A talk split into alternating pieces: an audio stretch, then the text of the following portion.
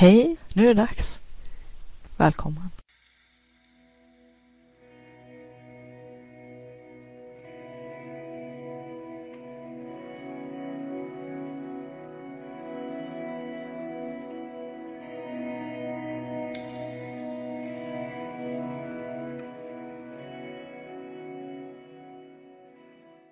Vill du uppleva mera kreativitet och flow, få mer kvalitetstid till ditt skapande och kreativa liv, mer energi och lust, tillgång till dina kreativa superkrafter? Då har du kommit helt rätt.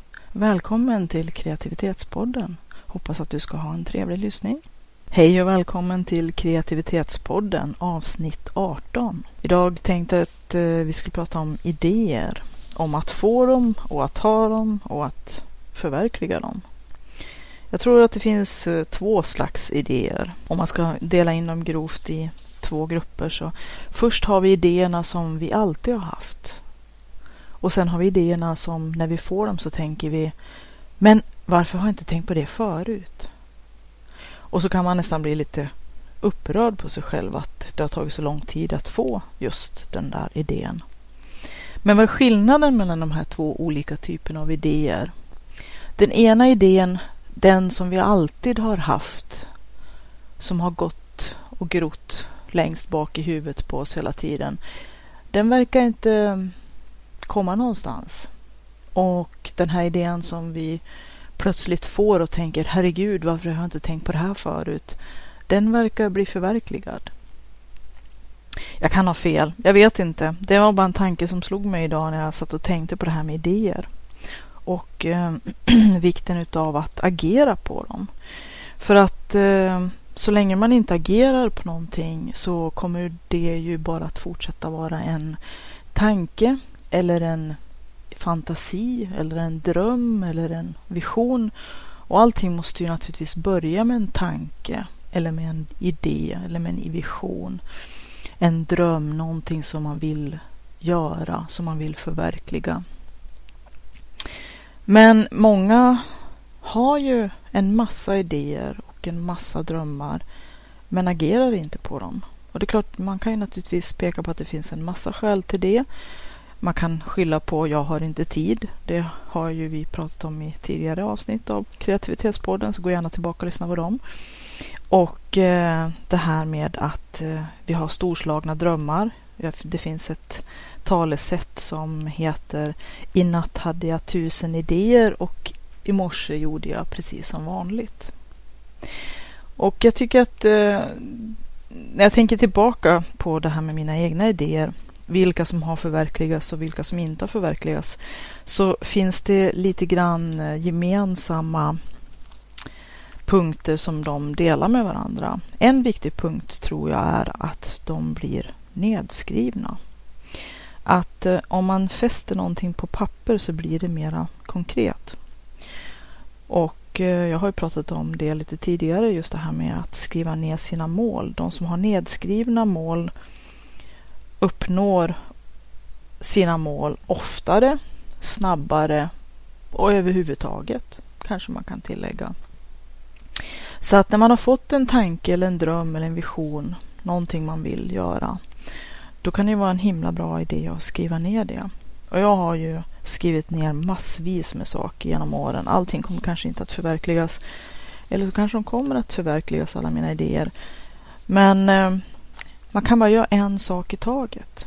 Och där tror jag nästa fälla är att vi försöker göra antingen allting på en gång eller så väntar vi på att eh, det optimala tillfället i livet ska dyka upp som naturligtvis inte gör det. Och därför blir det inte heller förverkligat. Och sen är frågan om det är någon slags eh, strategi att skydda oss själva från att eh, förverkliga våra drömmar eller om det är, ja, vad det nu är för någonting.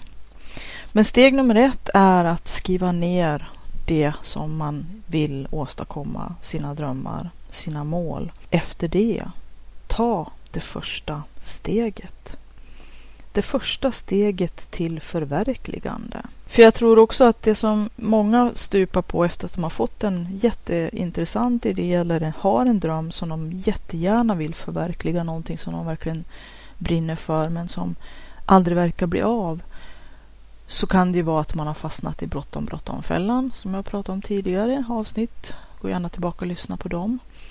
Eller att man inte har skrivit ner det så att det bara är någon abstrakt liten något brus som far omkring då och då i ens hjärna. Aldrig får konkret form. Och det var lite grann det här med konkret form som jag fångades utav när jag tänkte på det här med mina egna idéer. Just hur fascinerande det kan vara att en sak som först bara är ett sånt där moln av brus i ens hjärna sakta men säkert faktiskt kan få konkret form. Och för mig som sysslar med böcker så är det väldigt tydligt. Att från den vilda idén som plötsligt ploppade upp i skallen så en tid senare så håller man en, eh, en bok i handen. Och det är klart resan mellan det här bruset i ens hjärna till den färdiga produkten är ju rätt lång ibland. Men det är klart, samtidigt kanske den här vägen blir så himla mycket längre eftersom att vi har uppskjutarsjukan och vi prokrastinerar och vi har bråttom bråttom och vi har lite svårt att prioritera det som faktiskt kanske har betydelse eller kan få betydelse i våra liv. Det som vi faktiskt egentligen innerst inne vill göra, som jag pratar rätt mycket om. Men det är en ganska fascinerande tanke egentligen att ett, ett moln av brus i någons hjärna kan ta konkret form och faktiskt bli en grej. Och det är klart, eh, som sagt, det är en lång väg. Men hur brukar mina, bör, mina, mina börjor börja? Mina böcker börja? Det brukar börja med eh, väldigt många baksidor på kuvert. Eh, jag tycker att det är ett ganska bra sätt att avdramatisera allting. Att jag har en massa kuvert som, ja, som jag har sparat. Och så sen kluddar jag på baksidan av dem. Sen får jag en bunt med kuvert. Då kan det bli dags att sortera dem lite grann och strukturera dem och skriva rent dem.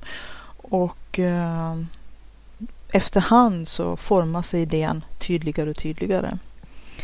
Jag har ju också, som jag har märkt när jag gör böcker, en dedikerad anteckningsbok till varje bok. Som, som det har blivit. Det har blivit så av sig själv. Jag vet inte varför riktigt. Att jag har kört lite parallella race och det kanske inte är optimalt eller det mest effektiva eller det som på bästa sätt samlar allting. Men det, det, har varit en organisk process. Så att jag har parallellt som jag har skrivit en massa anteckningar i datorn eh, och eh, på baksidan av kuvert och sen skriver rent om så har jag också haft en anteckningsbok. Som jag har, för varje idé så har jag ritat en ruta. Och det har fått representera ett bokblad. Det är ju inte mm, särskilt eh, hugget i sten eller liksom speciellt eh, så här ska det bli. Ingenting är klart utan det är bara ett sätt att eh, fånga de här idéerna, att ge dem en liten behållare, om än tillfällig. Och så har varje anteckningsbok blivit fylld med sidor med fyrkanter med varje idé till ett kapitel eller till en sida eller till ett, ett, stycke. Eller jag vet ju inte då vad det kommer att bli, hur stor längd eller hur stor tyngd det kommer att få i boken när den blir klar. Men att eh, varje sån här ruta då innehåller en tanke. Och eh, sen när det verkar som att min hjärna har mm, ja, verkt klart. Det blir inga fler fyrkanter med eh, såna här uppslag i anteckningsboken. Eh, men då har det oftast blivit ett antal, antal sidor. Så har jag ju på flygande fot fångat varje sån här förflugen tanke och sett till att den inte tappas bort. Jag har ju pratat om det förut, att det är väldigt lätt att den här idén, den här tanken, det kan jag aldrig glömma och så sen så sitter man ner vid sitt skrivbord och funderar, men vad sjutton var det jag hade så himla bra idé, men nu är allting borta att eh, saker och ting Ja, det är så mycket som passerar revy så att eh, även sånt man tycker har någonting, någon verklig tyngd i sig liksom fladdrar iväg så lätt. Och även om jag ibland kommer ihåg tanken och kommer ihåg själva eh, grundmeningen med idén eller visionen så, så kan jag inte formulera det så precis som just då när den blommade ut i mitt huvud eller när den tanken bara slog ner som en blixt i skallen. Att eh, jag vet precis vad jag ville säga men den här jätteprecisa formuleringen den har undsluppit mig eftersom att jag inte antecknade den. Och jag har ju propagerat förut för, för att alltid se till att ha ja, någon typ av eh, material för att kunna spara saker och ting i tillfälliga behållare. För att de här anteckningsböckerna är ju någon slags tillfälliga behållare för mig. Där det inte finns någon som helst ordning, ingen struktur. Det är bara det att varje blad, sida upp och sida ner, består av rutor med någonting i varje ruta som jag tycker eh, jag vill anteckna och behålla för framtida bruk. Och sen har ju en del av de där rutorna blivit ett stycke, en kapitelidé eller ett helt kapitel eller ja, det vet man ju som sagt inte just då. Men att eh, man kan ha ett anteckningsblock, ett litet med en penna. Att man kan ha det vid sängen och ja, på alla ställen där man kan behöva fånga sina idéer. Ursäkta. Eh, och eh, om man inte har någonting annat har man telefonen så kan man prata in ett meddelande snabbt till sig själv. Det finns ju i de allra flesta telefoner idag en rekordfunktion så man kan trycka på en knapp och så spelar man in det man vill säga. För att oftast så, till och med den korta sträckan när jag ska formulera någonting och jag har papper och penna i rummet bredvid så kan den här äh, formuleringen, den här ganska, eh, den här meningen, den här äh, tanken hinna flyga iväg så att den här, den här vassa formuleringen undgår mig. Jag kommer ihåg som sagt grund, grundmeningen var egentligen eh, vad jag ville ha sagt med det, men den här utmärkta spontana formuleringen den undgår mig. Så att, att kunna bara trycka, om man nu har sin telefon till hand, trycka på en knapp och spela in. Även om att, som också för mig, fastän att jag sitter nu och spelar in poddar, så de allra flesta tycker det är hemskt obehagligt att höra sin egen röst. Jag tycker det i alla fall. Så att det här med att spela in poddar och spela in videos för mig har ju varit en slags eh, Ehm, terapi för att eh, liksom vänja mig vid att höra min egen röst. För att jag tycker, och jag, jag har vant mig faktiskt. Eh, man blir ju mer och mer avtrubbad fast eh, riktigt roligt blir det ju liksom inte aldrig. Men att spela in saker och ting kan vara en jättebra, en jättebra, ett, ett jättebra verktyg i sin arsenal för att fånga saker och ting precis i flykten. Jag har ju talat några avsnitt nu om det här att fånga tillfället i flykten men också att fånga sina idéer och sina tankar i flykten innan de eh, försvinner eller åtminstone liksom förvanskas så att man inte kommer ihåg den där jätteskarpa formuleringen som man just då hade. Och ibland som sagt så glömmer man ju också bort helt och hållet. Man visste att man hade haft en massa spännande tankar och idéer om ja, om vi nu ska hålla oss till ett bokprojekt till exempel, men det kan ju handla om precis vad som helst. Som, som i, i din värld, vilka saker som du är kreativ kring. Och för mig är ju kreativitet egentligen i grund och botten att lösa problem. Att lösa problem på nya och oväntade sätt. Eller att lösa problem som tidigare kanske känns olösliga eller som har, ja, gamla problem som har alltid funnits men som ingen har hittat någon lösning på eller man inte själv har hittat någon lösning på. Att vara innovativ, att uppfinna någonting nytt, att tänka utanför den berömda lådan, boxen och plötsligt se saker och ting ur andra synvinklar och få en, helt annan en, en helt annan vision av hur saker och ting skulle kunna fungera istället. Men i grund och botten, kreativitet för mig, det är att lösa problem. Helst på så fiffiga och kreativa och roliga och nydanande och innovativa och ja, bra sätt som möjligt. Och där tycker jag liksom allting egentligen i livet kan sammanfattas. Allt ifrån att få tiden att jobba för en, att maximera sitt, eh, sitt ut ja, det man får ut av investerad tid och energi i saker och ting. Inte ur en affärsmässig synvinkel men mer ur en personlig tillfredsställelse ur den synvinkeln. Och att man inte lånar sig till saker som eh, man egentligen inte vill göra. Vem är det som stjäl min tid? vilka tillåter jag att stjäla min tid när jag egentligen kanske vill och borde göra andra saker som är mera givande på lång sikt eller det som är vettigare för mig att faktiskt hålla på med. Vad jag ska hålla på med.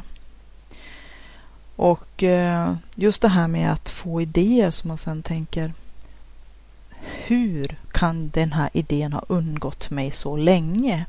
Det är ju förstås frustrerande på ett sätt. Men sen samtidigt så kan det också vara en rejäl kick där bak att sätta fart.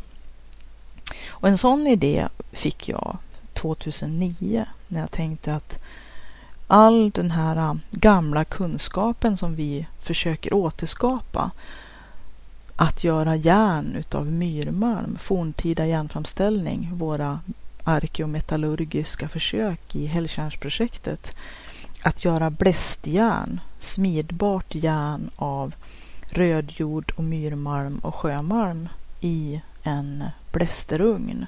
Alla de försök som vi har gjort under så lång tid som vi har hållit på borde ju dokumenteras och samlas och att, eh, ja, då i april 2009 så föddes den idén. Den bara slog ner som en blixt i hjärnan och så tänkte jag efteråt, men hur kan jag ha undgått att, ha den här, att få den här idén så himla länge? Det är ju självklart. Men från tanke till handling är det förstås ett långt steg och eh, det har tagit sina modiga år för tre års efterforskningar och intervjuer och researcharbete förutom att jag redan hade dokumenterat järnframställningsplatser redan från 1993 och att jag gjorde min första egna järnbit 1996. 2012 så kom boken ut lagom till Hälltjärnsprojektets 20-årsjubileum och det var ju faktiskt en ganska fantastisk eh, eh, händelse att få ha bokreleaseparty och eh, folk som höll tal och att det var precis då när föreningen fyllde officiellt 20 år. Egentligen så hade ju verksamheten pågått långt mycket före det också. Och en av grundarna, tyvärr de två som grundade föreningen är, var då döda, men en av grundarnas eh, barn, en, eh, sonen spelade med sitt rockband och vi firade eh, under Blästerhelgen i juni då när boken kom ut på flera sätt.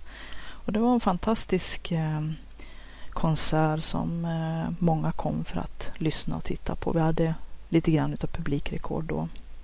Så det var kul. Så att eh, man får ju tänka att vissa projekt tar lite längre tid. Kanske inte egentligen eh, alla böcker behöver ta så lång tid att göra eftersom att alla böcker kräver inte så mycket research. Trots att jag som sagt har sysslat med järnframställning så himla länge med alla intervjuer och åka land och rike runt och att samla allting. Ändå var det ju bara en liten, liten del av alltihopa som jag sedan kunde trycka eftersom att trycka böcker är en dyrbar historia och jag ville ha så många färgbilder som möjligt i boken för att illustrera hur järnframställning går till. Att det blev både en, en bok om den historiska bakgrunden men också rent praktiskt en järnframställarhandbok, en introduktion till hur man gör smidbart järn utav myrmalm. Så att eh, den täckte in många, eller täcker in, boken finns ju fortfarande att köpa både på Adlibris och på Bokus och hos Siddharta i Siddhartas butik. Så att där är den också billigast. Så att vill man köpa forntida järn, Ancient Iron som jag har skrivit, man kan söka på Katrintangen så hittar man det på nätet. Så gör man det billigast och bäst om man går in på siddharta.se och klickar på pärlbutiken så att där finns det en liten avdelning med mina böcker. Vill man kan man också skriva i meddelanderutan när man går till kassan om man vill ha en signerad. Så kan jag signera med en hälsning eller med ens namn och med min signatur och datum. Men eh, det tog ganska lång tid innan boken faktiskt såg dagens ljus. Men det var ju lite grann som en förlängd graviditet och en kanske inte svår förlossning men en, ja, det, det, det, det, det tog sin lilla tid helt klart. I efterhand som sagt så kanske man kunde ha sett att saker och ting kunde ha blivit gjort på ett annat sätt. Men med det ljus som jag hade att se med då och med tanke på att jag inte hade några pengar att trycka med så blev resultatet fantastiskt bra. Och eh, det var ju tryckeribudgeten som satte begränsningar för, ja, jag var tvungen att kapa bort två tredjedelar utav mitt manus. Men boken i sin helhet tror jag faktiskt eh, tjänade på att eh, bli lite pressad utav omständigheter. För jag tror att vi ibland går omkring och inbillar oss att om vi bara hade tillräckligt mycket pengar eller tillräckligt mycket bra förutsättningar för saker och ting, då skulle våra idéer ha någon chans och så vidare. och Så vidare. Så det kan ju också vara en ursäkt att inte göra någonting av sina idéer, att man inte har pengar eller att man inte har resurser eller tid eller ja, vad man nu gömmer sig bakom. Men, men i grund och botten så tror jag att kreativiteten den utsätts för lite mera prov och kommer mer till sin rätt och får jobba mycket hårdare ifall att man är tvungen att lösa ja, svåra problem på vägen. Olösliga problem. Det är klart att det är lite grann som det där med att de bästa sakerna som man har lärt sig i livet har man ju lärt sig oftast inte när det har varit smeksamt och enkelt och lätt och roligt. Och att vissa av de sakerna som har förändrat den som mest och lärt den som bäst kanske man i efterhand naturligtvis kan känna vilken tur att jag utsattes för det eller att det hände som tvingade mig att utvecklas. Utveckling kommer ju oftast inte varken frivilligt eller lätt eller enkelt.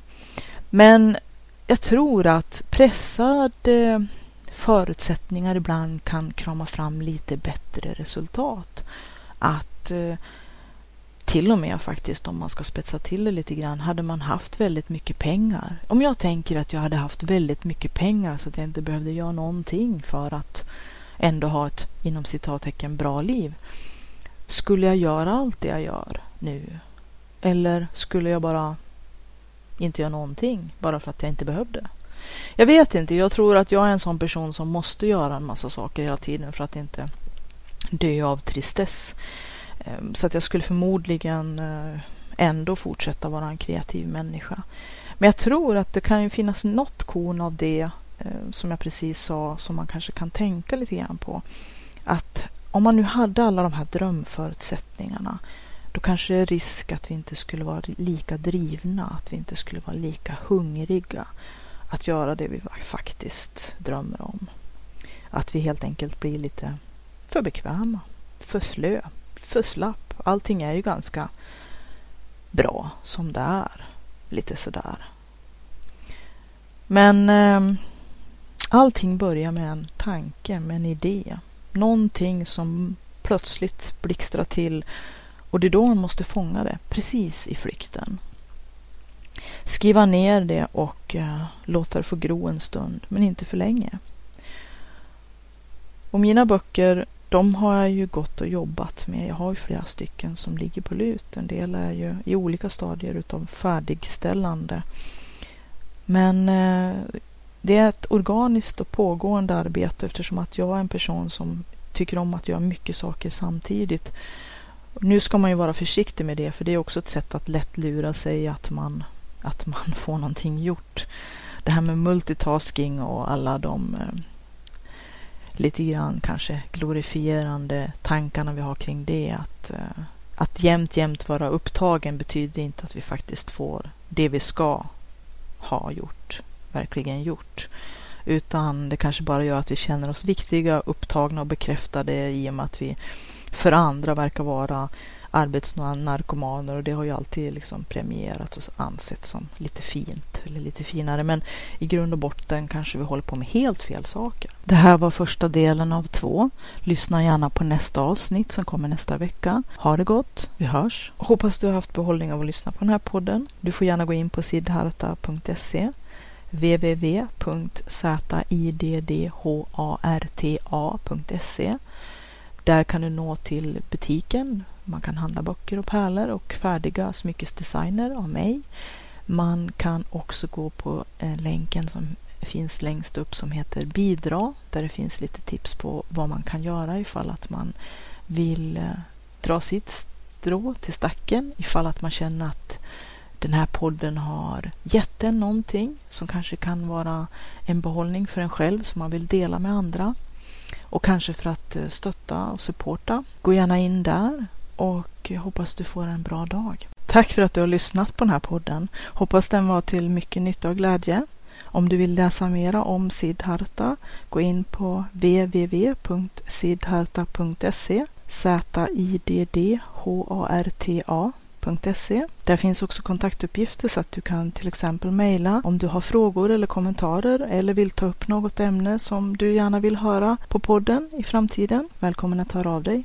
Kreativitetspodden har också en egen Facebookgrupp så att om du söker på kreativitet eller kreativitetspodden så hittar du kreativitetspodden på Facebook. Anmäl dig gärna där som följare så får du uppdateringar löpande om nya avsnitt och saker som händer på kreativitetsfronten. Du kan också gå in på www.sidharta.se och klicka på länken högst upp till vänster bidra för att se vad du kan göra för att hjälpa den här podden att fortleva och att visa ditt stöd. Så gå in där på bidra så ser du hur det går till. Jag som driver kreativitetspodden heter Katrin Sidharta Tangen och jag är författare, järnsmed, driver www.sidharta.se och Sidhartas webbutik. Jag har skrivit flera böcker, bland annat Skapa och sälj som är en handbok för entreprenörer, kreativa och skapande människor. Jag har skrivit Forntida järn, Ancient Iron, som handlar om forntida järnframställning och eh, vikingatida järnsmide. Jag har även skrivit Pitch 13 som är en serie i genren Dark Urban Fantasy och eh,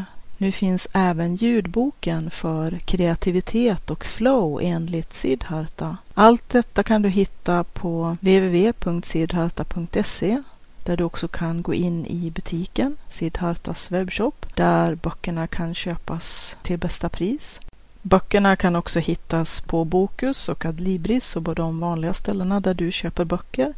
E-böckerna kan också köpas via Kobo och eh, Amazon med flera ställen där e-böcker säljs. Ha det gott. Tack för att du har lyssnat. Hej då!